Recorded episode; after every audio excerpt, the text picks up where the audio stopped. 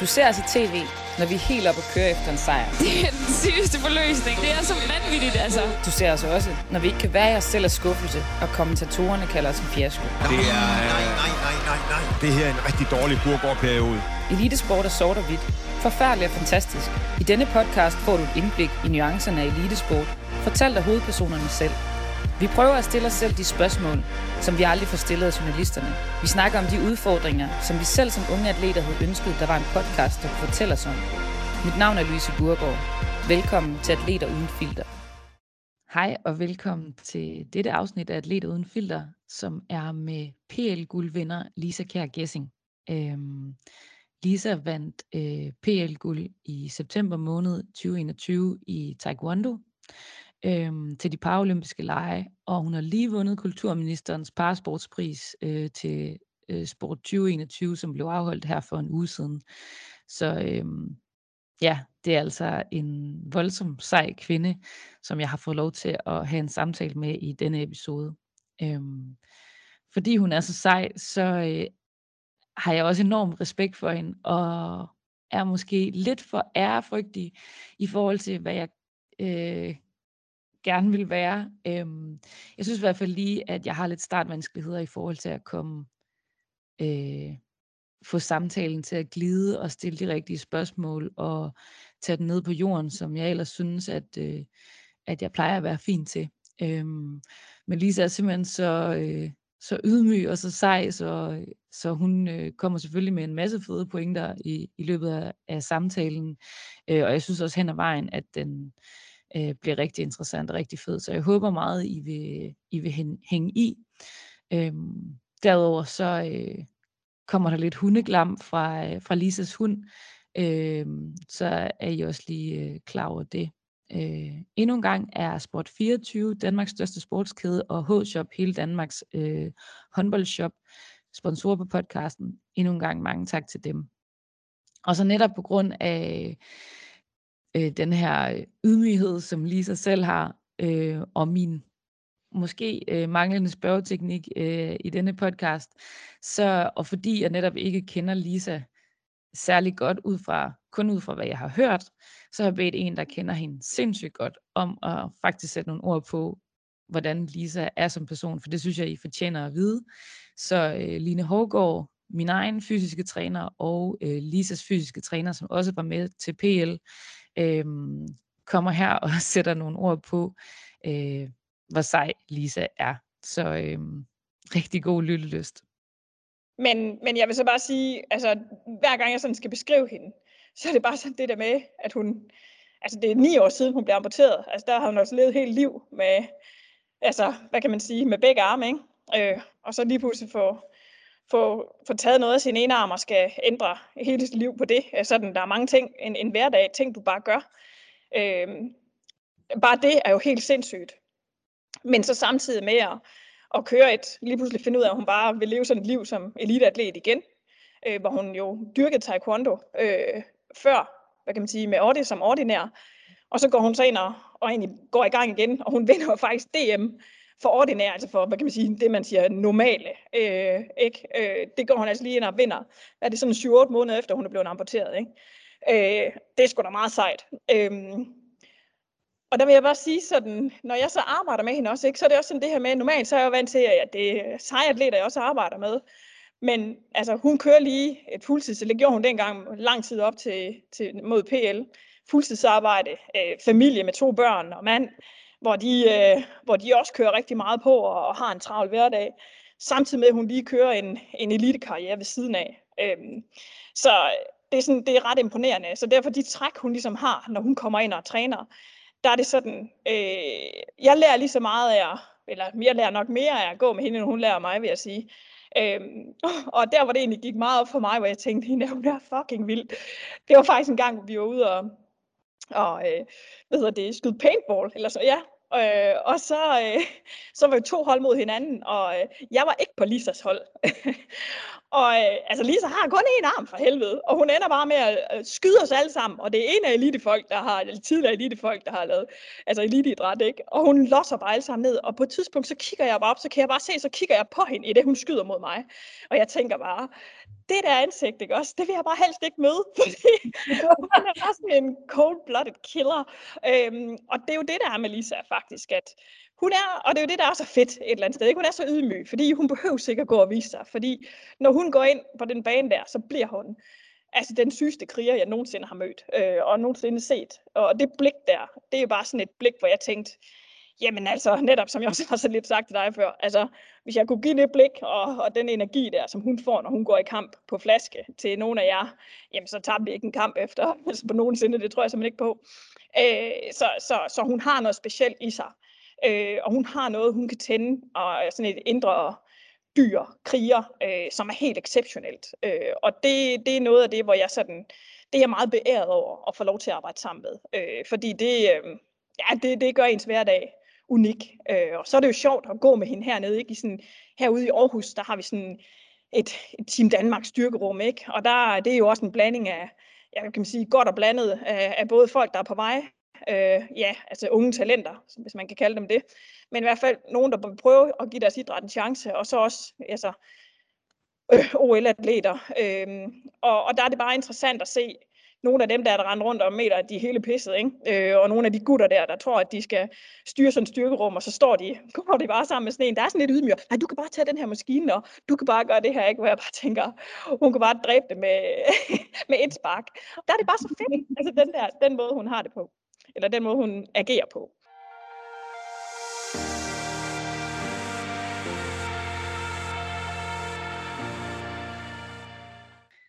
Velkommen til Atleter Uden Filter, Lisa Kjær Gessing. Tak. det sagde jeg rigtigt. Gessing. Ja, ja, ja, ja, Gessing. Du er 43 øh, år, og du har netop denne sommer, eller den 3. september vundet PL-guld i par taekwondo, øh, hvor du også var, øh, var fanebærer til PL. Øh, kæmpe, kæmpe stort tillykke. Tusind tak. Så er du øh, i øvrigt også lige fire gange verdensmester og øh, fem gange europamester. Og øh, du er gift med Christian Gessing, som er tidligere håndboldspiller og har to ja. døtre. Ja. Øh, og du arbejdede indtil for nylig fuldtid som jurist i politiet og er nu nede på hvad sagde du, tre dage om ugen? Ja. Ja, og øhm, vi kender hinanden gennem øh, Line Hågaard, som øh, er vores, som er din fysiske træner, som også var med til, mm-hmm. til PL, og øh, ja. vi arbejder også med hende på landshold, og hun har også tidligere været med i en Atleter Uden Filter podcast. Øhm, ja. ja. Øh, Lisa, hvordan, øh, hvordan har du det? Jeg har det godt. Jeg synes, det er så, så sjovt, at min alder altid skal nævnes øh, som indledning i, øh, i, i de her, sådan, sådan, ja, om, omkring sådan noget her med sporten. Øhm, det er ligesom, da man var yngre og, og nævnte sin alder. Men det, Nå, på et eller andet tidspunkt bliver man så gammel, at øh, den igen bliver sådan noget ekstraordinært. det var faktisk ikke engang, det var faktisk slet ikke for, det, det gør jeg i, i alle podcastene. Så ja. det var Ej, overhovedet ikke for aldersshame, vil jeg bare sige. Nej, nej, nej, nej. Det er så fint. Jeg har det rigtig fint med min alder. Hvad hedder det? Øhm, vi skal snakke om forskellige ting i dag, blandt andet at sige ja til livet, og at arbejde målrettet, og at huske menneskene omkring en. Øhm, og den her podcast kommer ikke til at handle om dit kraftforløb. Det kan godt være, at vi kommer ind på det øh, af andre veje, men det er ikke det, der har hovedfokuset, og hvis I derude har lyst til at høre mere om det, så har du deltaget i Sport 24's podcast, der hedder Min Mikrofon, hvor I snakker en masse om det. Mm, ja. Yes. Øhm, ja, jeg prøver at lægge lidt hårdt ud og spørge dig, øhm, hvad du tror, der var de afgørende faktorer for, at du vandt PL. Åh, oh, det er et godt spørgsmål. øhm, og der er sindssygt mange faktorer i det. Øhm, og ja, altså jeg, jeg vil jo til enhver tid nævne hele mit hold omkring mig, fordi at det øh, var jo kun mig, der stod på banen, men, øh, men det var helt afgørende, at jeg havde så mange gode folk omkring mig, og især Bjarne, min træner, som Bjarne Johansen, der har været med mig altid, øh, og især igennem de mange år her, så alle de fem Europamesterskaber og fire VM'er, der har han været med i alle kampe. Så det er jo øh, virkelig et parløb, vi har haft der, der har været noget helt særligt. Men så har jeg også haft Line Hågaard med som fysisk træner sidste tre år, og Jasmin, min sparringspartner, og alle mulige, der har dygtigt gjort mig ved at bruge deres tid på mig. Øh, dygtige, dygtige mennesker. Og, øh, og så også, øh, at jeg selv har, har vildt det i, i så mange år. Øhm, og så tror jeg også det med, at jeg har familie og arbejde ved siden af, som også kræver tid og ja, altså det er, jo, det er jo det, som jeg er i. Altså det, har jo været, det er jo det, det er jo hoveddelen. Øhm, men når jeg så har brugt al den her tid på, på min hobby, taekwondo ved siden af, så har jeg også haft det sådan, at jamen, så skal jeg også vinde. Altså så skal jeg virkelig også ville det, fordi øhm, ellers så kan jeg på en eller anden måde ikke være bekendt og bruge så meget tid på det, hvis ikke også jeg går ud virkelig og, og, og vil være den bedste. Ja. Øhm, jeg ved ikke, om det giver mening.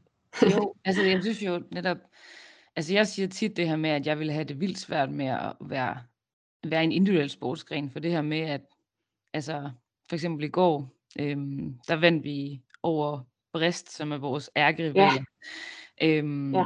På hjemmebane, og det her med at fejre det sammen med sine holdkammerater, det, altså, det betyder alt for mig.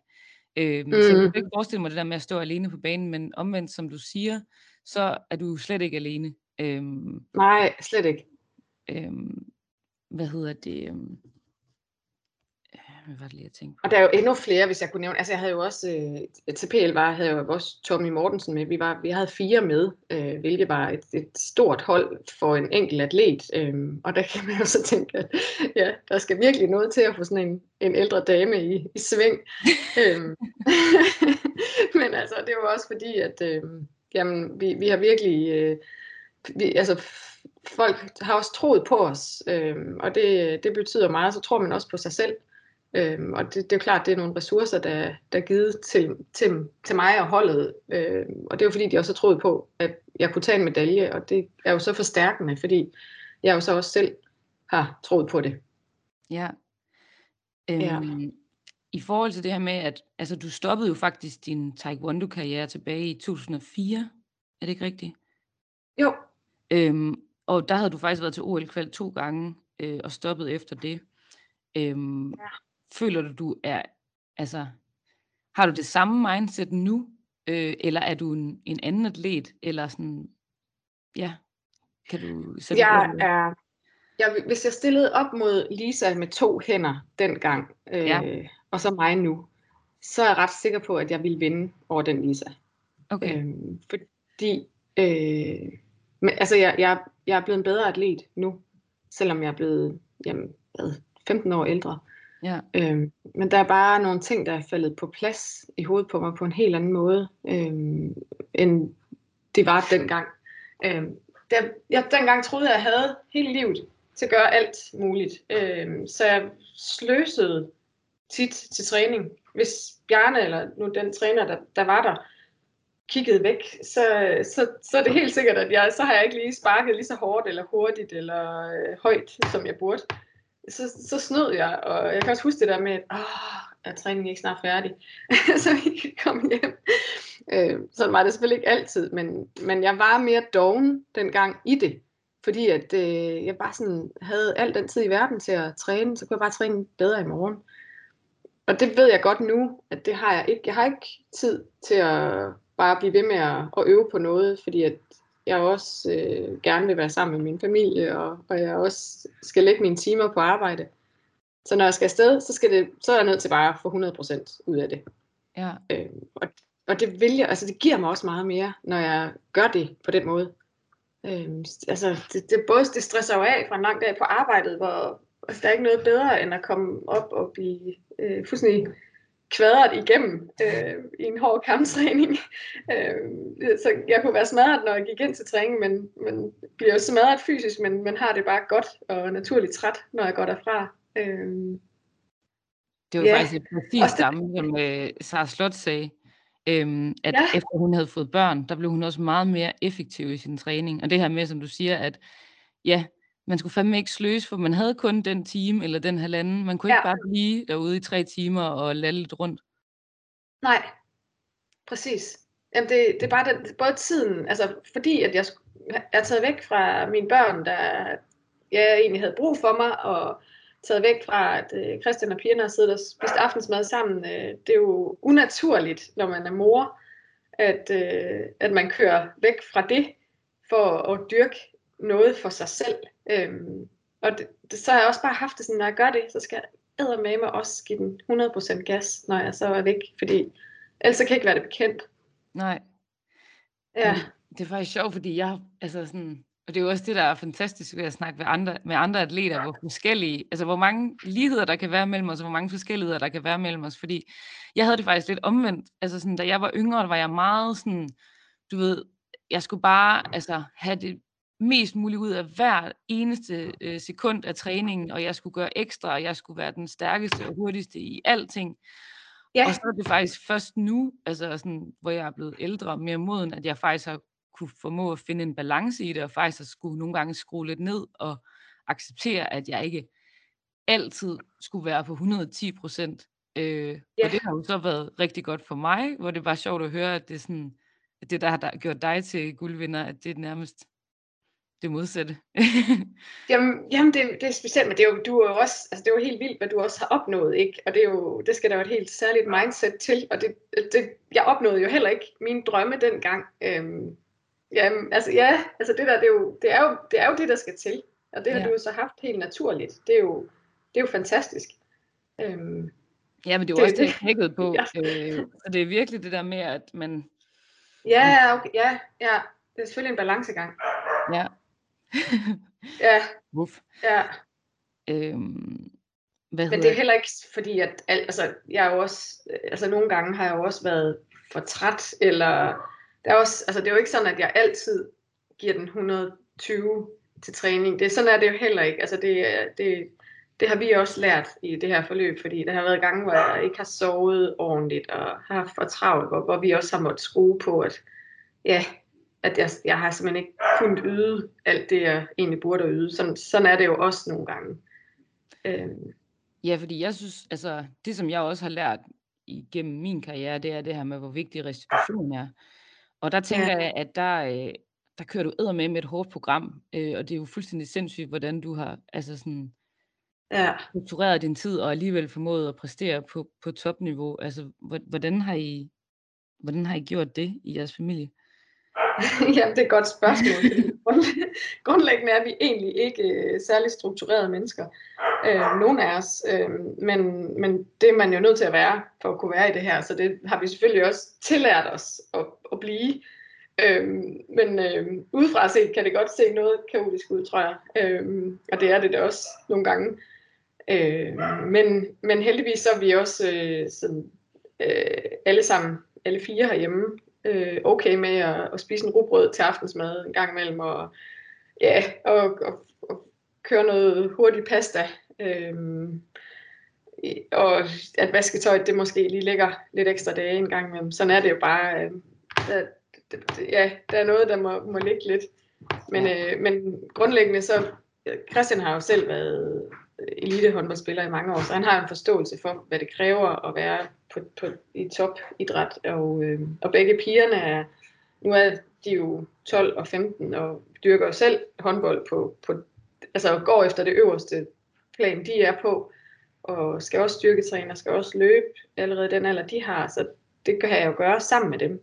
Mm. Øh, og det har været så fedt at, at kunne, kunne træne sammen, alle fire eller to og to ad gangen. Eller, ja, i hvert fald det der med at, at, at, at gøre det sammen ofte.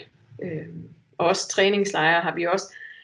Det har også været noget, jeg har haft i det her, øh, der har vi haft cirka to træningslejre om året et eller andet sted, hvor de så har været med.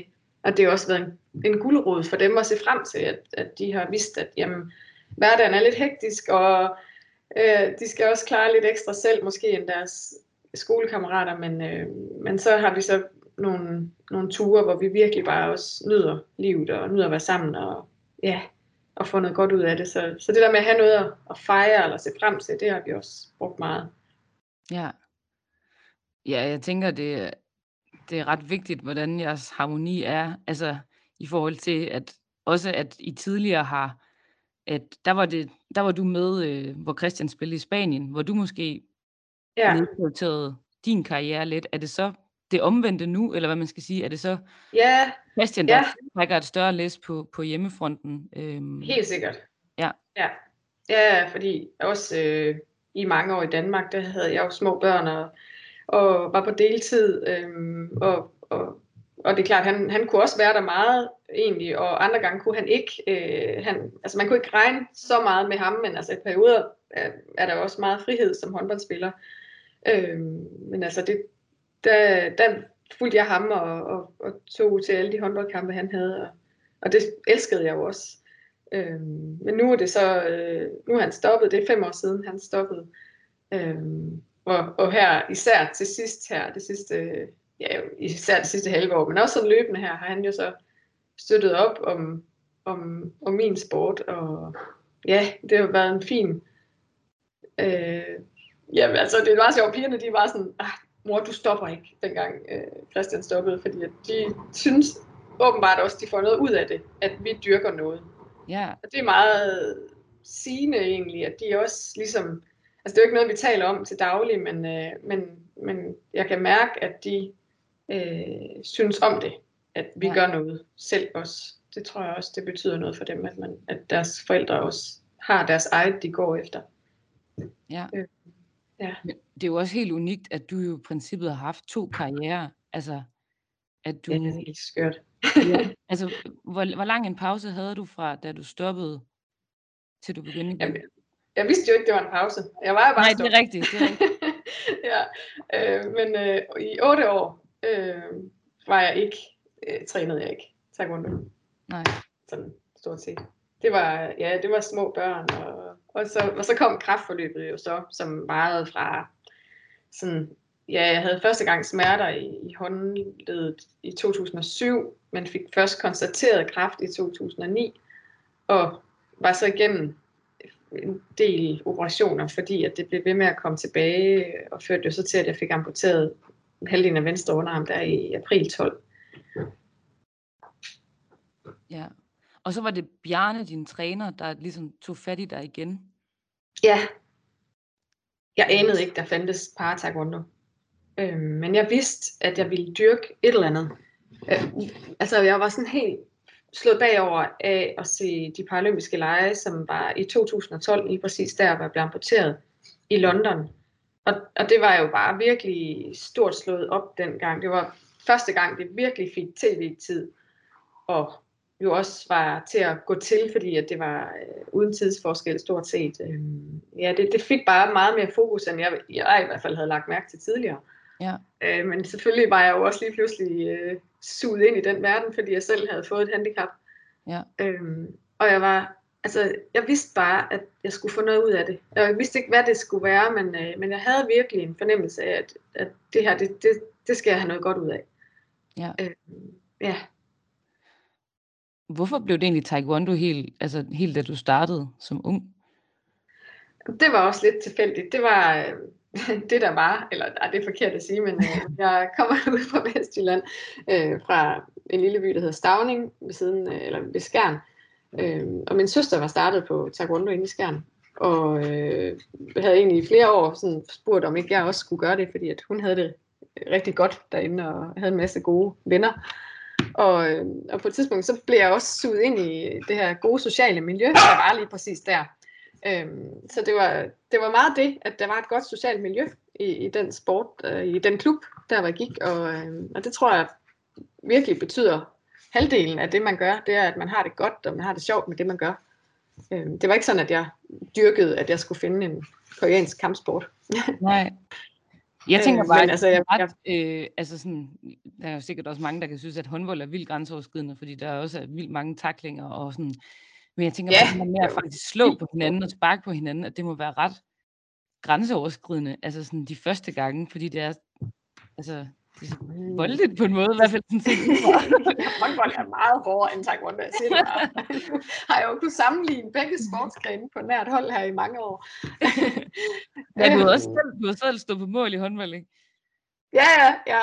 Jeg, har, jeg har aldrig kunnet finde ud af at være på banen. Det, altså håndbold er jo sindssygt svært. Er virkelig uh, boldmongol på de der systemer og tre skridt og alt det der. Det giver jeg bare for tabt. Øhm, men altså, nej, det, jamen det kommer jo lige så stille. Taekwondo er rigtig, rigtig meget mere, og det er også derfor, jeg er vild med det, fordi der er jo også sådan den mere, måske sådan lidt mere meditativ del, hvor man dyrker sine egne teknikker og dygtiggør sig selv. Og sådan smidighed er der meget med, og, og, og selvforsvarsdelen er der også. Der, der er meget i det, og, og det er meget for hele kroppen, og smidigheden og styrke, øh, det hele skal man kunne lidt af. Og, og, og så når man så kommer til selve kampdelen, som altid har fanget mig meget, øh, det her med at komme ud og konkurrere og, og kæmpe. Øh, jeg synes bare, der er noget helt specielt over at stå over for et andet menneske i, i ringen. Øh, nu er det sådan en firkant, vi har, eller nogle gange en, en ja, vist en sekskant lige for tiden, tror jeg. Men, men altså det her med at stå øh, på kampbanen over for et andet menneske, og bare se den anden i øjnene, og vide, at den anden vil rent faktisk ja, sparke dig, slå dig, skade dig. Øhm, og, det, og det må du så gøre, hvad du kan for at undvige, men, men du vil jo også selv gerne ind og score de point, der skal til. Øh, og det gør man kun ved at øh, sparke til, fordi det er jo fuld kontakt. Øh, det, det, der kommer sådan noget urmenneske op i mig, tror jeg, når det er, jeg står der. Og, øh, og så kan man, jamen, jeg kan kun tale for mig selv, men så, øh, så slipper jeg alt, alle andre forbehold, der er i samfundet, og så gælder det bare om at vinde. Og, og det kan noget. Jeg kan ikke sige, hvad det er, men det kan noget. Jamen, det kan jeg vildt godt følge, og det tror jeg også er generelt karakteristisk ved sport, at det her med, at man bare ja. slår hjernen fra, og bare, at kun, man kun er i det øjeblik. Ja, altså. ja præcis. Du, du kan ikke tænke på andet, fordi hvis du gør det, så bliver du straffet ja, for det. Præcis. Ja, og det, det er også, altså så sent som her i sommer, hvor jeg trænede med Jasmin på et tidspunkt, der, øhm, der var jeg åbenbart lige fraværende i en øvelse, Bjarne havde sat op for os. Så havde jeg ikke lige, øh, mens han snakkede, havde jeg glemt det der med, at, at hun ville spare, skulle sparke efter hovedet på mig, og at jeg så skulle flytte hovedet. Og så, øh, så, så sparkede hun mig bare i hovedet, fordi at jeg ikke flyttede hovedet, og gik rundt med et, et helt virkelig mørkeblåt øje i 14 dage. fordi at, øh, jamen, Ja, og det var lidt sådan, altså han, han havde jo sagt det. Han, jeg havde jo sagt, hun skulle sparke det det er rigtigt. ja. Så man, det, man skal virkelig være fokuseret, når man ja. er på. Og det øh. gælder jo alt, hvad man gør. Hvis, ja, hvis man vil vinde jo. Præcis. Jeg kommer simpelthen lige til at tænke på, at jeg har glemt det, jeg plejer at starte alle podcast med, med et billede af din atletkrop. Det har jeg slet ikke fået spurgt om. Nej. Øhm, jeg ved ikke om, øhm, hvad hedder det, om, det ved jeg ikke, har du, jeg tror måske, vi snakkede lidt om det sidst. Ja, det gjorde vi også. Ja, du har nævnt det. Ja, ja. men øh, jeg ved ikke, om du har et bud på noget, du vil øh, tage et billede af, eller om vi skal bare sige, den dropper vi den her gang.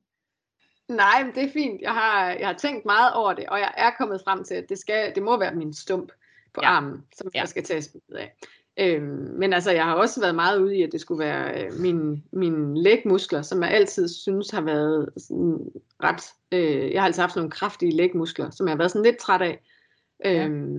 men, øh, men omvendt er jeg jo også meget taknemmelig for dem, fordi det er jo nok også dem, der har klaret ærterne i forhold til alle de konkurrencer, jeg har deltaget i, fordi de har været stærkere og kunnet score nogle point øh, og, og bære mig flytte mig rundt på banen, øh, som de skulle. Så, øh, så øh, som min svigermor har sagt mange gange, så er det verdensmesterben. Og det er meget godt, man skal ikke... Øh, ja, det der ideal om de der fine ben, tynde ben, det, øh, det, det kan bære en langt, men altså, det er nok de her lidt kraftige, tykke lægmuskler, jeg har, der har båret mig til at, at få de resultater, jeg har.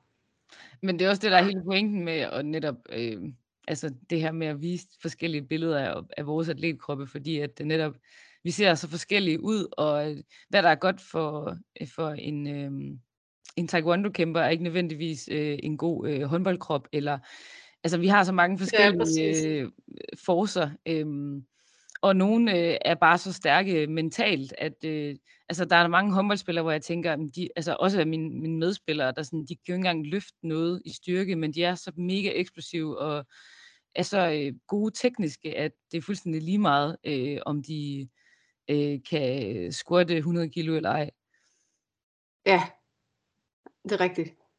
Det, øhm, ja, det, det synes jeg bare ja. er vildt, altså hvor, hvor forskellige i kroppene er. Jeg kan huske der tilbage i, i 2012, der skulle jeg være med til at, eller efter 2012, så blev jeg spurgt, om jeg øh, ville hjælpe med at lave OL-kollektionen til, øh, til 2016 der. Ja. Øh, og det der med at skulle sidde sammen med bestseller og sådan, hvordan laver vi noget tøj, der kan passe til alle atletkroppe? Det er jo fuldstændig umuligt. Ja, det er klart. Ja, ja, ja, der er jo alle, alle mulige former for kroppe.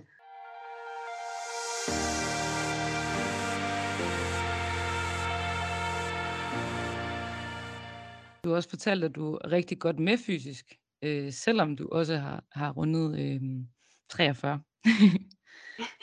Ja, øh, det, tror, altså, det er jo Lines arbejde. Øh, det, altså, det, det har aldrig sagt mig så meget at gå i styrkecenteret. Øh, og det er altid det, jeg ikke nåede. Fordi at jeg skulle jo træne taekwondo, og jeg kunne sagtens øh, komme ud og løbe. Det har jeg altid elsket. Og så skulle jeg også lige ordne noget vasketøj og lave noget mad. Og det var ligesom om, at styrketræning kom bare altid sidst i køen i forhold til den liste, jeg havde for hver dag.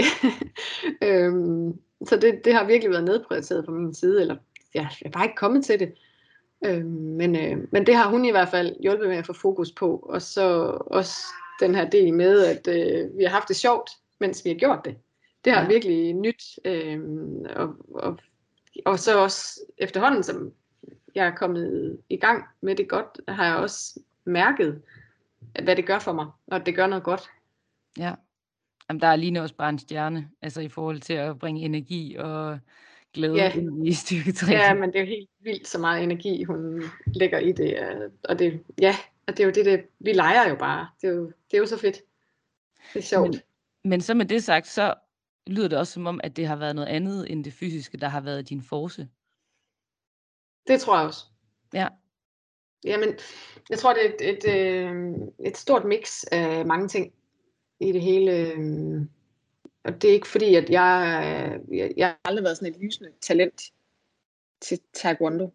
Øh, Men jeg har bare været, ja, hvad, hvad, hvad har jeg gjort? Jeg har sådan øh, holdt mine aftaler, tror jeg, med at, at træne de ting, jeg skulle træne på, og jeg har været der, og, og jeg forsøger at, at gøre de ting, min træner siger, og lytte efter, og forsøger at, ja, øhm, Men det tænker jeg, der er mange, der gør. Altså, der, jeg tænker, at der må være noget i dit mentale mindset, der har altså, været ekstraordinært. Ja, det er et godt spørgsmål.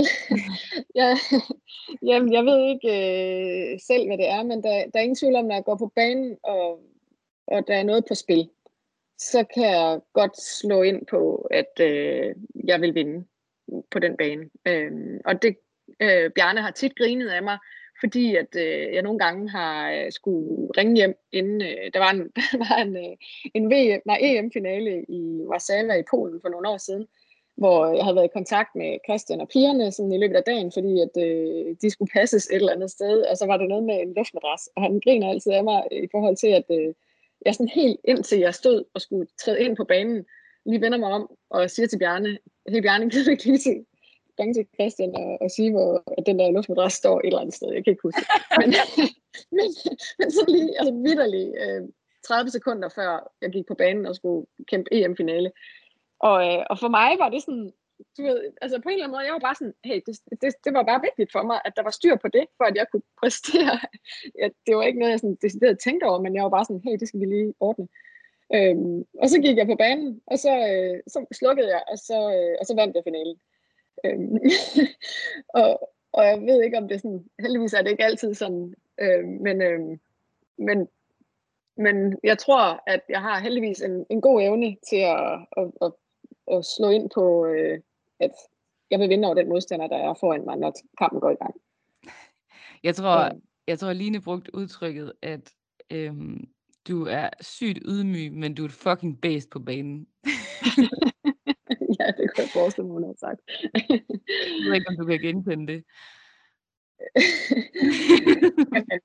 altså, øhm, jo, øhm, det, der er jo ingen tvivl om, at det, det, altså, det, det har i hvert fald lykkedes igennem mange år, og, og jeg kan jo godt lide at stå på banen, og, og ja, jeg ved ikke, hvad det er. Øh, men, jeg ved godt, det er svært.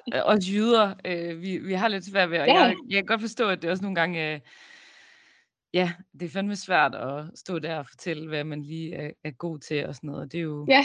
Ja, jeg, jeg kan 100% følge dig. Det er også der, jeg prøver bare sådan at, at udfordre dig lidt og se, om jeg kan lære noget.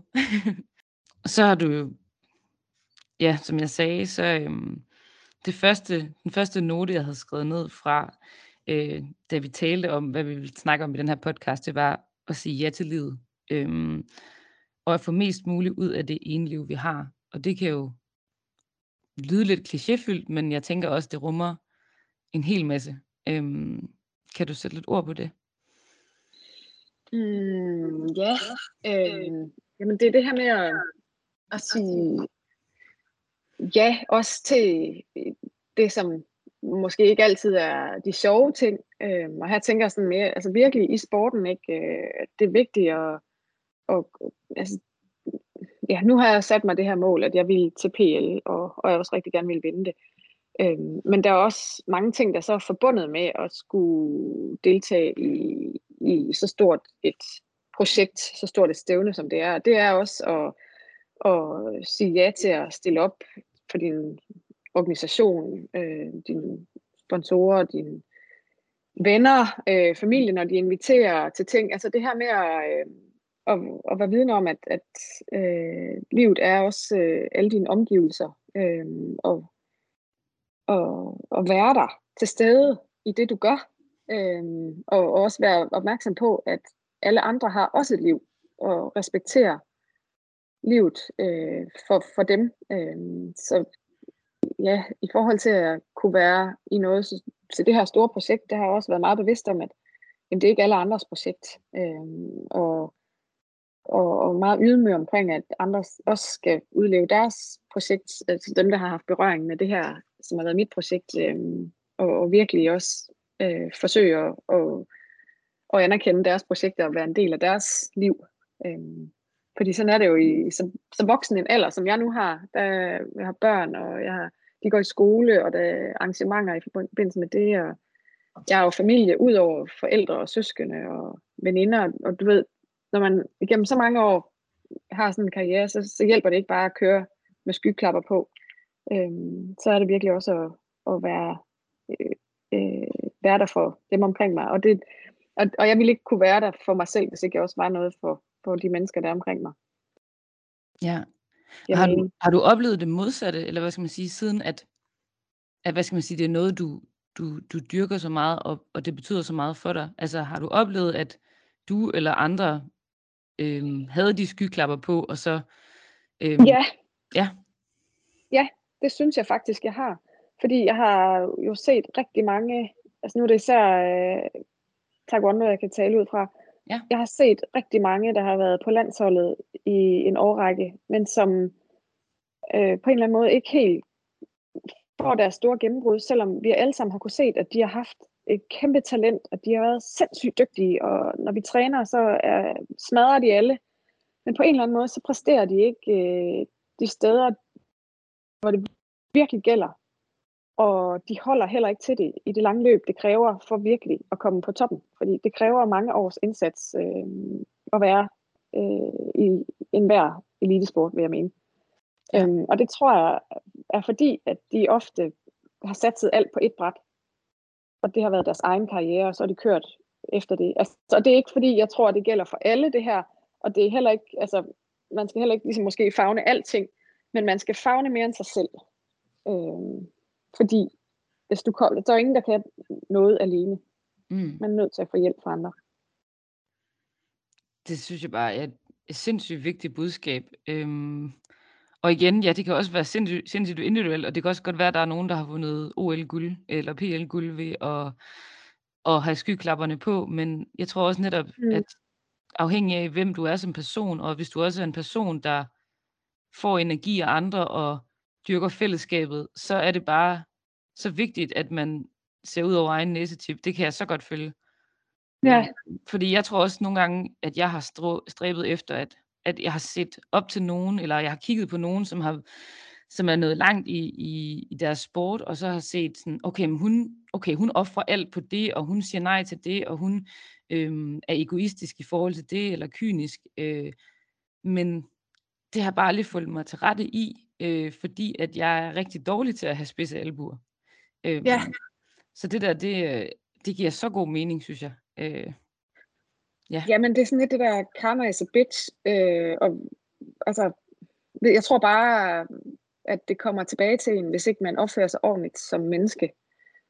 Øh, og jeg har ikke lyst til at prøve det af i hvert fald. Øh, Mm. og meget ligger jo i den personlighed, man nu end har, og det er jo forskelligt fra person til person. Men, men jeg øh, tror bare, at man virkelig som atlet skal være bevidst om, øh, altså det her med, at øh, man skal anerkende dem, der gør noget for en. Fordi ellers så vil de ikke blive ved med at- være der for en. Mm-mm.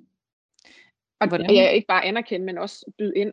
Man, Ja. er nødt, til, også, ja, man er også nødt til at være, øh, hvis man har været i gamet i mange år, så, så er man også nødt til at gå ind og være træner øh, på et tidspunkt. Øh, du ved, ja, ja, og give noget igen på en eller anden måde, for at det kan blive ved med at være en, en cirkel, der løber rundt.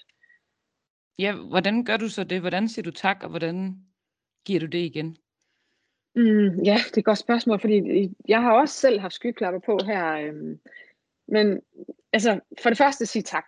Det, det er den første ting. Det er så vigtigt. Øhm, og så også øh, altså, se dine medspillere, medatleter, og sæt dig ind i, hvad der betyder noget for dem, og, og spørge ind til det. Øh, måske der er nogen, der har en skade, og spørge ind til, hvad, hvad det betyder for dem, og hvad er deres næste stævne. Øh, og ja, tage en træning, hvor, altså, hvor man er træner for de andre en gang imellem, og øh, jamen, husk dem, når man siger tak øh, i, i medier, og ja, øh, stille op, når der er fødselsdage, og, og, og sådan noget. Øh, og, og det er jo også en balancegang, fordi det er også, altså det med tiden, man kan jo ikke blive ved med at, at, at trække tid, for eksempel for mit vedkommende ud af familien.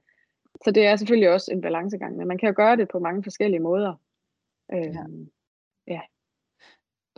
Hvad med den opmærksomhed, du så har fået her, efter du vandt øh, PL? Altså sådan, er der nogle gange nogle tidspunkter, hvor det er, at du er blevet provokeret af, hvad journalister eller folk har sagt til dig, eller hvad skal man sige, sådan, at, at det ligesom kun var dig, eller at, at folk har ligesom ville sætte dig op på en pedestal, hvor du har sådan måtte sige sådan, hey, det er også mit team.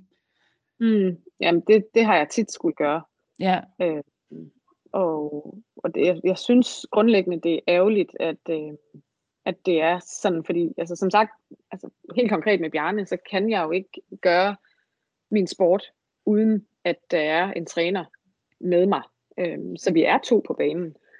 Og der er jo mange sportsgrene, hvor man faktisk får en medalje. Det gør trænerne også i håndbold øh, Mm. til EM og VM. Øh, men det gør man ikke øh, i taekwondo, men det har været talt om i sporten.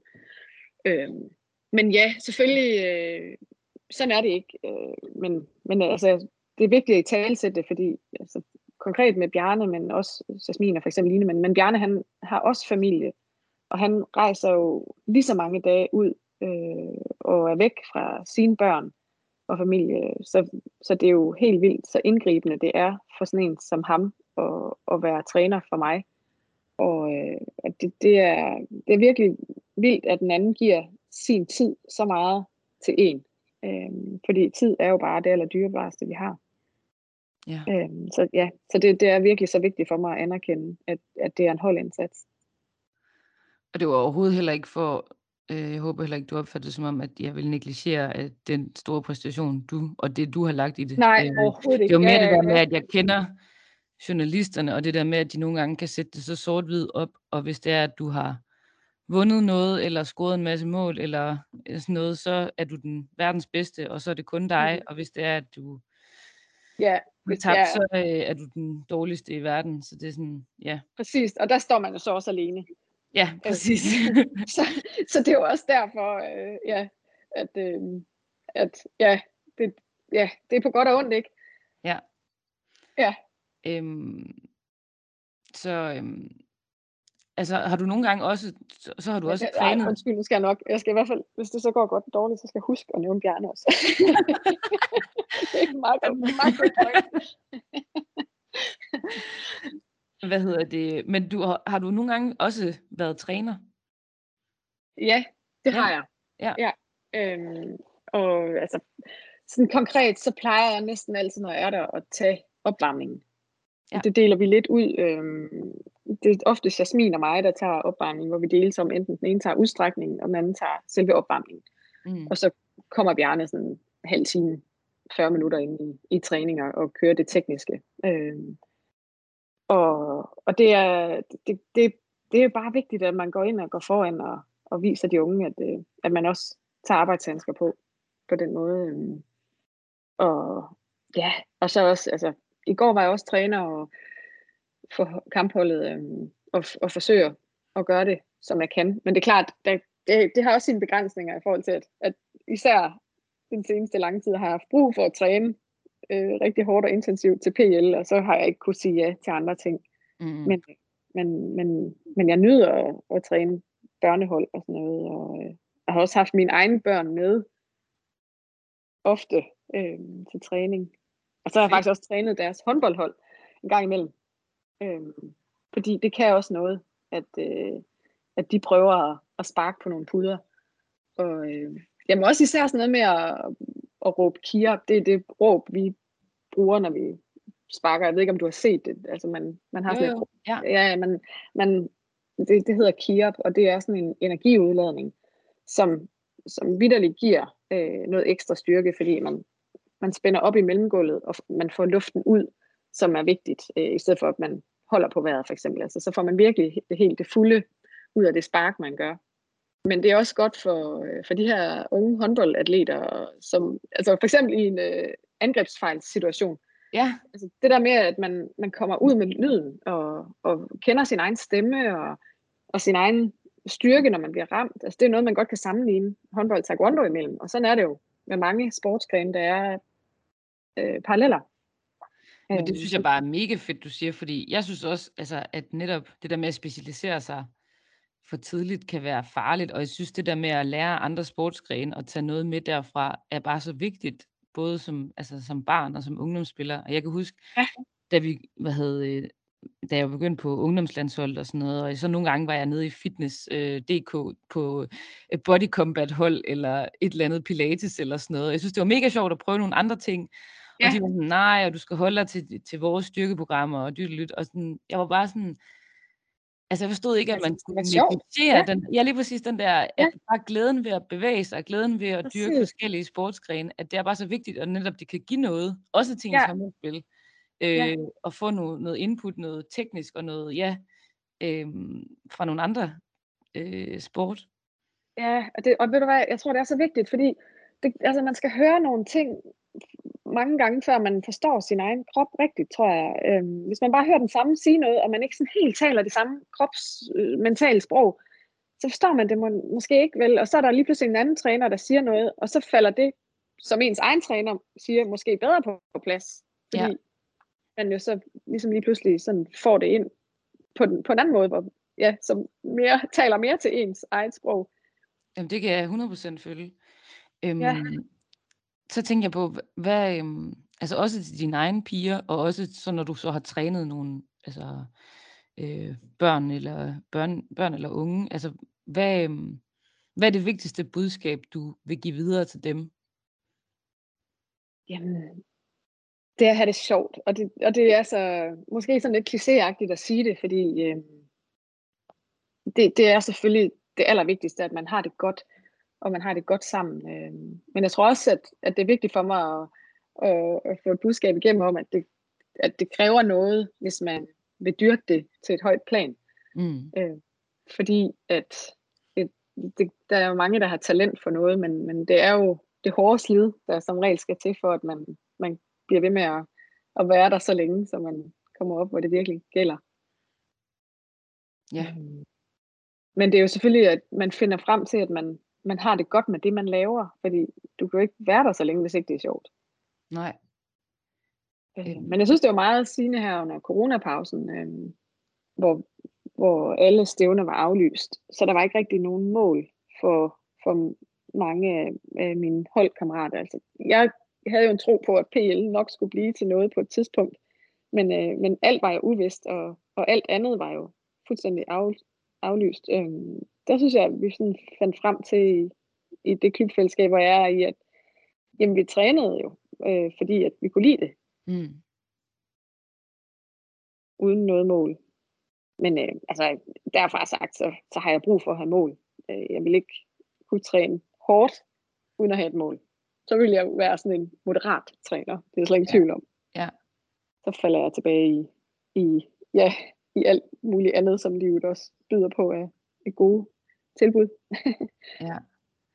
Fordi altså, der er jeg nok der er jeg en lidt mærkelig i forhold til, der synes jeg sjældent, jeg kan genkende mig i, hvad andre elitesportsøvere fortæller om, at altså sådan, nogle gange synes jeg, jeg kan blive lidt presset af alle de mål, der er. Altså, jeg kan vildt godt lide den der hverdagstræning, og jeg nød også helt vildt under faktisk ja. corona, at kunne øve nogle små ting og detaljer, og det der med, at der ikke lige var et eller andet resultat, øh, mål øh, ude i den nære fremtid. Og der tror jeg også, at håndbold er meget specielt, fordi vi jo netop spiller kampe Ja, altså, to gange tiden. om ugen, og så er der mesterskab, ja. og så kører den bare, og så har vi en måneds eller tre ugers pause over sommeren, og så ellers så fortsætter det bare. Øhm, så sådan, der, der føler jeg tit, at, øhm, at, at jeg har haft svært ved at, at finde ligesindet faktisk i forhold til det der med, sådan, ej, kan vi ikke godt lige nogle gange have nogle færre kampe?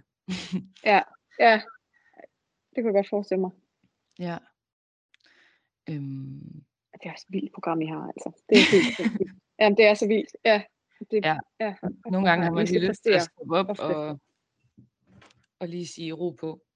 Ja, jamen, så kommer den bare tre dage tilbage. Øh, eller altså tre dage efter kommer der en kamp, øh, hvor I lige har, ja, for eksempel som i går, hvor du siger, I har, I har vundet en helt vild sejr for jeres klub.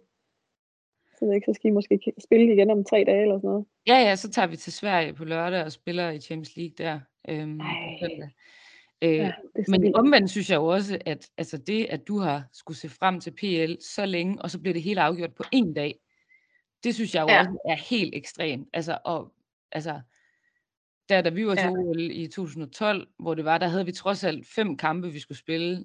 Fem gange 60 minutter, hvor man vidste, okay, hvis vi ikke vinder den her kamp, så har vi en chance igen. Og der havde du bare sådan, du skulle være der fra, altså, hvor jeg nogle gange tænkte, fuck man, på ting, altså hvis man bliver syg, eller hvis man ikke lige er der den dag, og så den træning, man havde lagt for dagen i så mange år. Ja. Jo.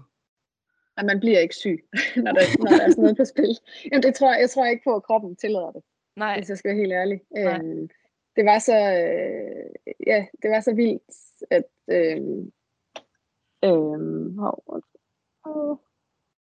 det var så vildt, at øh, kro- altså, den måde, som kroppen bare, min krop bare tunede ind på at, at, at være klar. Altså, det var sådan en, en nedjusteringsplan, eller opjusteringsplan hedder det måske, men hvordan dag for dag, hvordan det bare blev matchet op på, at jeg skulle præstere den 3. september. Øhm, og hvordan jeg også, altså det er jo også Bjarne og Line, der havde lagt en masterplan for det, men også mentalt, at jeg ligesom til sidst bare endte med at være øh, fuldstændig klar den dag, og bare øh, også var afspændt og glæde mig til at skulle præstere. Det var, øh, det var egentlig lidt vildt selv at opleve, fordi at det er jo det største, jeg nogensinde har deltaget i også. Øhm, men det, det der med, at det, det hele lykkedes bare på den dag. Øhm, ja, men jeg, altså, jeg er også altså, omvendt, hold op, mand. I skal jo præstere over mange, mange dage på topplan. Øh, over et langt, langt forløb, jo, hvor I bare er presset hele tiden. Øhm, så ja, det, det er jo to vidt forskellige ting. Jeg kan næsten ikke blive mere forskelligt. Øh, nej, det er rigtigt. Ja. Øhm, men havde, var du så, altså, bare for at forstå den der, sådan, hvor meget man skal være der den ene dag, øhm, altså Ja. sådan, var det et, havde du et andet mindset der end i nogle af de andre turneringer, du har været til, eller var det, altså var det, når du stod der, var det så en kamp ligesom alle andre? Hvis du forstår, hvad jeg mener. Nej, det var det ikke. Det var Nej. noget helt særligt. Ja. Øhm, og det, altså, der har jo været, altså for eksempel, da jeg vandt, efter jeg fik amputeret min hånd, stillet op til DM, øh, og samme år, jeg blev amputeret og, og vandt det. Og det var jo selvfølgelig helt specielt på det tidspunkt. Ja, jeg DM vandt mit for, for, hvad skal man sige, øh, almindelig. ordinær. Ja, ordinær, ja. Ja, og det var også det første stævne, jeg var til efter otte års pause. Så det var jo selvfølgelig på det tidspunkt helt vildt stort. Øh, mit første VM var også sindssygt stort for Bjarne og mig, øh, og, og var virkelig bare sådan, fuck cancer, vi klarede det, og meget rørende. Øh, og så har der jo været mange store oplevelser, øh, men så gik det mere over i, i, i sportslige præstationer per gang, og det kan jo også noget, men, men PL har jo bare været et vildt mål, og jeg vidste også bare, at jamen, jeg har jo altid på en måde selv forklaret, hvordan øh, det foregik, øh, når jeg kom tilbage, fordi der er ingen, der har set taekwondo, der er ingen, der, der aner, hvad det egentlig rigtigt er. Og, og så har jeg jo bare selv kunne fortælle, at det gik rigtig godt. Øhm, men jeg har rent faktisk set det, og det vidste jeg også godt her, det ville rigtig mange fra Danmark, men især også alle dem, jeg selv havde berøringsflade med, kollegaer, venner og familie, ville jo så skulle se det.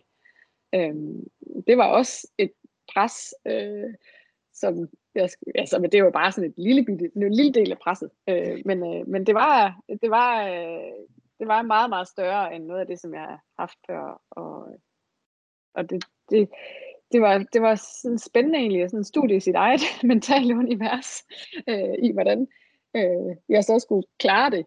Men, øh, men øh, altså, jeg tror egentlig, at øh, bevidstheden om, at vi havde gjort alt, hvad vi kunne på holdet. Øh, jeg havde givet den alt, hvad jeg kunne. Det gjorde, at jeg bare hvilede så meget i mig selv til sidst, i forhold til det, jeg skulle ind og præstere. Øh, I at hvis ikke jeg vandt den medalje, så, så var det fordi, jeg ikke kunne vinde den. Hvis du forstår, hvad jeg mener. Ja, ja 100 procent. Øhm, ja, altså det var, det var virkelig sådan en, en vild følelse dagen inden, fordi øhm, man skal jo man skal vejes, det er jo en vægtklasse, jeg kæmper i, øhm, og den er sådan lige på grænsen af min normale vægt, så jeg skal altid lige øh, smide 1-2 kilo for at være i den vægt, og nogle gange sker det mere naturligt end andre gange. Men det er jo en, en stopprøve, fordi er jeg ikke i vægt, så kommer jeg ikke til kamp. Nej. Øhm, så den, den er sådan lidt en mental forprøve på kampen, fordi at jeg kan ikke sådan helt give mig fri til at tænke på kampen, før jeg har været i vægt. Nej. Øhm, så der, det var så fredag, jeg skulle kæmpe, så torsdag formiddag, da jeg vejede ind, så var det jo så, at så var kampene det næste. Øhm, men den der fornemmelse, jeg havde der, det var, det var fantastisk. Jeg glædede mig, fordi jeg vidste, jeg kunne det, jeg skulle, og vi havde gjort det, vi skulle, og øhm, jeg var simpelthen så afslappet og, og, og fokuseret på det, øhm, som jeg aldrig nogensinde har været fokuseret på noget. Så det var virkelig, virkelig fedt at opleve. Fuck, hvor fedt. Ja, og jeg tror også, jeg vil huske tilbage på det øhm, mange gange i livet, fordi det var en, en livsoplevelse, ikke? Øhm, og også selvfølgelig fordi, at det så gik godt. Øhm, og jeg ved ikke, hvilken faktor, der gjorde, at det gik godt, fordi det var jo, især min semifinal var meget, meget tæt. Øh, Jeg vandt den jo kun med, med to point, og to point er et spark. Ja. Så det var simpelthen så tæt, som det kunne være. Øh, men, men jeg var, havde faktisk sådan en grundlæggende opfattelse af, at, at den der guldmedalje, det var min. så de skulle tage den fra mig, hvis de skulle tage den. Øh, Ej, det udtryk kan jeg så, godt lide. det, Fuck, hvor fedt. Jamen, jeg ved ikke, men det, ja, altså, øh, jeg ved ikke, hvor det kom fra, men, øh, men sådan havde jeg det, og, øh, og det, det, det havde jeg også med mig derind, øh, ægte. Øh, så, så det gjorde jo noget, det gjorde noget godt for mig. Øh, men, øh, men jeg ved ikke helt, hvordan man ligesom sådan kan sige det til. Man kan jo godt sige nogle ting til sig selv, men, øh, men lige i hvert fald den dag, der, der, der følte jeg det også. Og hvordan så, altså, at da du så stod med guldet, og hele den her tid efter, er det som du havde forestillet dig, det ville være at, at være, være PL-mester? Øh, Eller ja, hvad tænker du? Jamen, jeg tror ikke rigtig, jeg har opfattet det endnu. Øhm, jeg, det er stort, og det er øh, også større, tror jeg, end jeg havde forestillet mig. Det er lidt ligesom, da jeg fik at vide, at jeg skulle have amputeret min hånd, og fik amputeret min hånd. Det tror jeg heller aldrig, jeg sådan rigtig kunne forstå. Øhm, fordi det, ja, altså det, var, det var så vildt, at jeg ikke kunne forstå det. Jeg kunne ikke sådan tage det ind. Og her er det lidt på samme måde nu, øhm, at jeg ikke sådan rigtig sådan helt kan, kan tage det ind og forstå det. Øhm, men, men godt, det føles det i hvert fald. Ja. ja. Er du blevet overrasket over øh, den opmærksomhed, der har været omkring dig, og den respons, du har fået? Ja, det tror jeg faktisk, jeg er. Øhm, der, der har virkelig været mange henvendelser siden øh, alle mulige forskellige øh, ja, slags, altså fra rigtig mange skolebørn, øh, men også forskellige medier og, og projekter og, og alt muligt. Og, øh, og det, det er vildt spændende, men det er også svært for mig igen, det her, jeg har det her ja-gen. Øh, det er lidt svært for mig at, at sige nej, men det er jeg simpelthen nødt til at, at gøre for også at kunne være øh, hjemme i, i min egen lille familie, og, og det, har, det har virkelig været lidt overvældende, øh, ærligt. Så, øh, så har der ikke været særlig meget tid til overs til at, at, at bare ligge i sofaen. Øh, så, øh, så det, har, det har været lidt overvældende. Og du har ikke øh, oplevet det her, det er et udtryk, jeg har hørt om, øh, Olympic Blues, øh, hvor, man, hvor man lige, Ja. øh, øh, hvor det hele øh, lander ind i en, og man tænker, fuck, nu er det overstået, og alt det, jeg havde kæmpet for så længe, at nu skal jeg lige finde mig til rette et nyt sted i livet. Prøv lige at høre, jeg glæder mig til den dag kommer, hvor jeg har en dag, hvor jeg ikke ved, hvad jeg skal. Kæft, det bliver fedt. Så, så øh, kom endelig med noget øh, stilletid. Ej Lisa, du skal fandme også tage dig nogle, øh, du fortjener nogle fridage, føler jeg. ja, ja. Nej, det er jo også min egen skyld. Jeg skal jo bare, jeg skal planlægge det lidt bedre. Det, det er jeg alt for dårligt til. Men, øh. Øhm, jeg kunne bare godt lige tænke mig at høre, jeg kom til at tænke på, øhm, og det kan være, at det kommer til at lyde helt forkert, men sådan øhm, det her med, at, øh, at nogen, måske journalister og også andre folk, altså vil fokusere meget på netop handicappet og øhm, PL, og måske mindre på den fucking vilde atlet, du er, og se øh, dig og hele, øh, alle dem, der konkurrerer i PL for øh, måske mere et handicap, end at være en atlet. Øhm, mm. det ved jeg ikke. Altså, er det noget, du oplever, og i, hvis du gør, hvordan håndterer du det så? Øhm, ja, altså jeg har oplevet meget, at, øh, at min historie ofte øh, bliver drejet hen på mit kraftforløb, og det at miste armen og blive amputeret. Øhm, her, og især nu her, øhm, hvor jeg kom tilbage med, med, med PL-guld, der har jeg selv haft behov for også lige at dreje den ind på sportspræstationen Mm-hmm. frem for kraftdelen, fordi at for mig er det jo mange år siden nu, at det skete, og det er jo heldigvis godt forbi. Øh, hvor ja, det her, det er jo, øh, det har, det, det har også været vigtigt for mig at, at, at fokusere på, at, at det også er en stor præstation. Øh, men øh, ja, øh, jeg synes virkelig, at der, der gerne må være mere fokus på, at det er sportspræstationer, der sker til de paralympiske lege. Fordi at, øh, altså for mig at, altså at se de andre atleter præstere, det er så vildt, hvad der er, ligger bag øh, træning og ja, alt, altså det er lige så meget, ser jeg, som det, det er til, altså, som jeg oplevede træningen til OL og, og være på landsholdet i sin tid. Øhm, det setup og det forløb, som jeg har haft, har været mindst lige så vildt, om ikke næsten vildere. Øhm, der er lige så meget fokus på mental træning og de tekniske ting. Øh, jamen altså sådan en som Daniel, der springer over 7 meter på en protese. Det er jo sindssygt. Ja. ja. Og kørestols rugby, der brager rundt, øh, selvom de har de vildeste handicap. Altså, de handicap, de har, dem kan man jo ikke engang se. Det er jo rygmavsskader, så de, øh, bare komme på toilettet er en kæmpe udfordring. Og så hvad de så kan præstere på banen, også taktisk, øh, det mindset og det mentale spil, der er i, i meget af det. det. Det er så vildt. Øh, ja, og det synes jeg godt kunne få noget mere fokus i medierne, at det er, det er virkelig sportspræstationer på, på det niveau. Øh, fordi der også er andre udfordringer. Øhm, men ja, altså, og virkelig, altså jeg vil ikke selvmodsige mig selv, men det, det der med, det er virkelig sportspræstationer.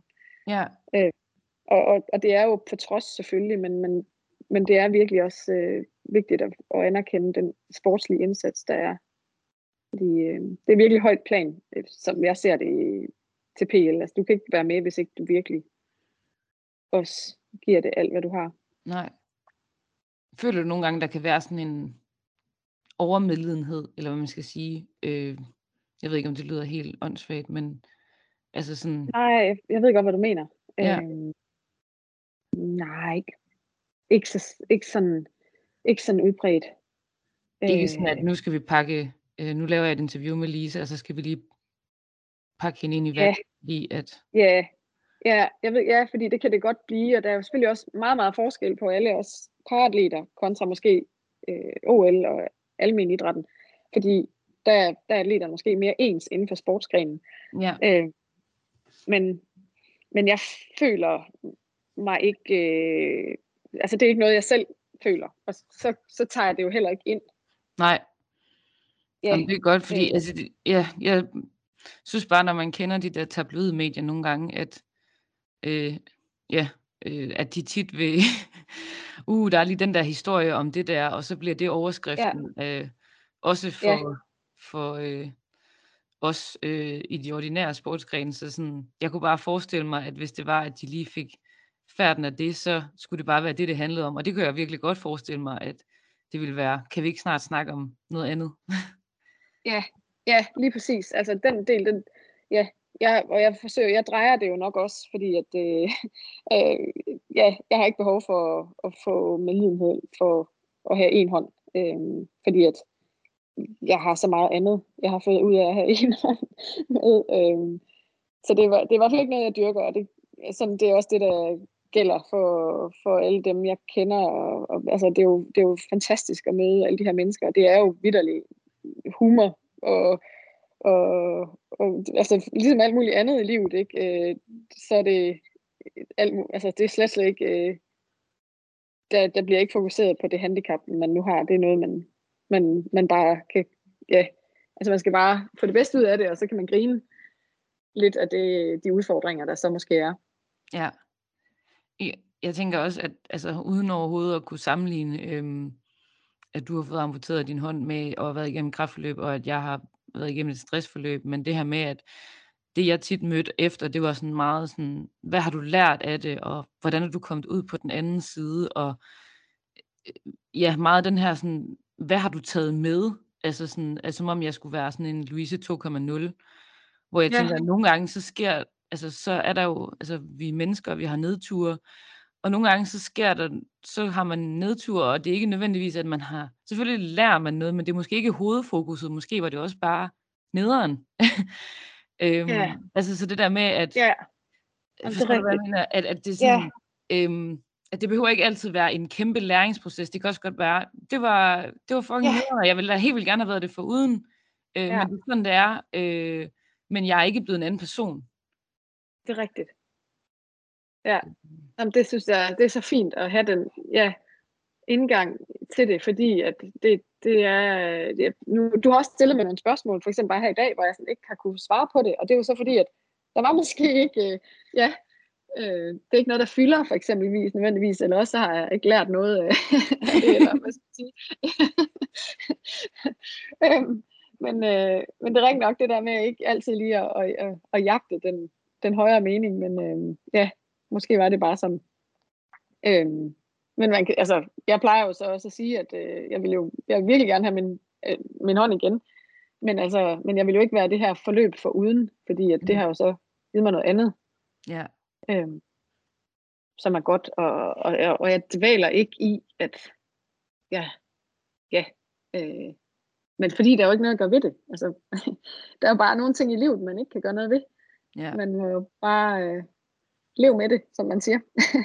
Ja. Ja.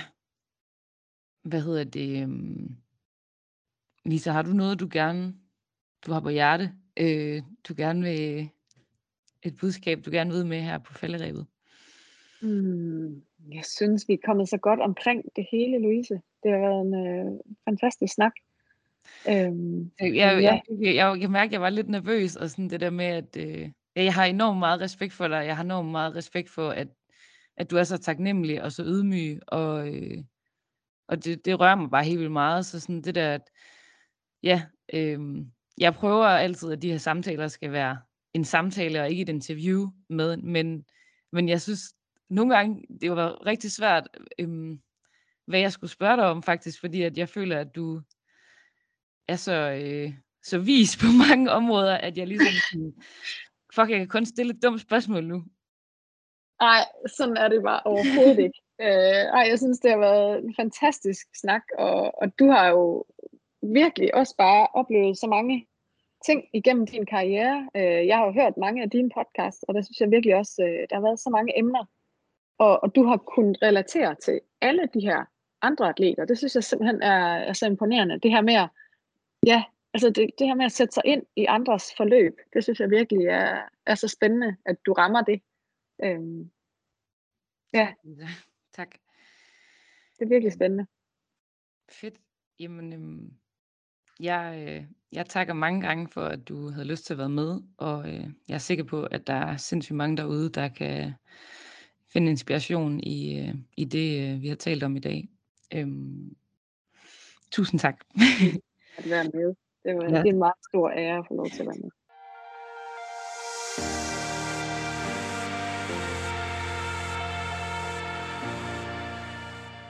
Tak fordi I lyttede med øh, af denne episode af Atleter Uden Filter øh, med Lisa, og øh, jeg håber, at øh, I synes, at samtalen øh, gled bedre hen ad vejen, og at øh, I også synes, at Lisa er lige så beundringsværdig, som jeg synes. Øh, jeg er i hvert fald, øh, jeg synes, det er så fedt, hvordan hun er den første til at nævne menneskene omkring sig, øh, og at øh, selvom hun er en individuel atlet, så er det altså en teampræstation, som, øh, som hun har lavet.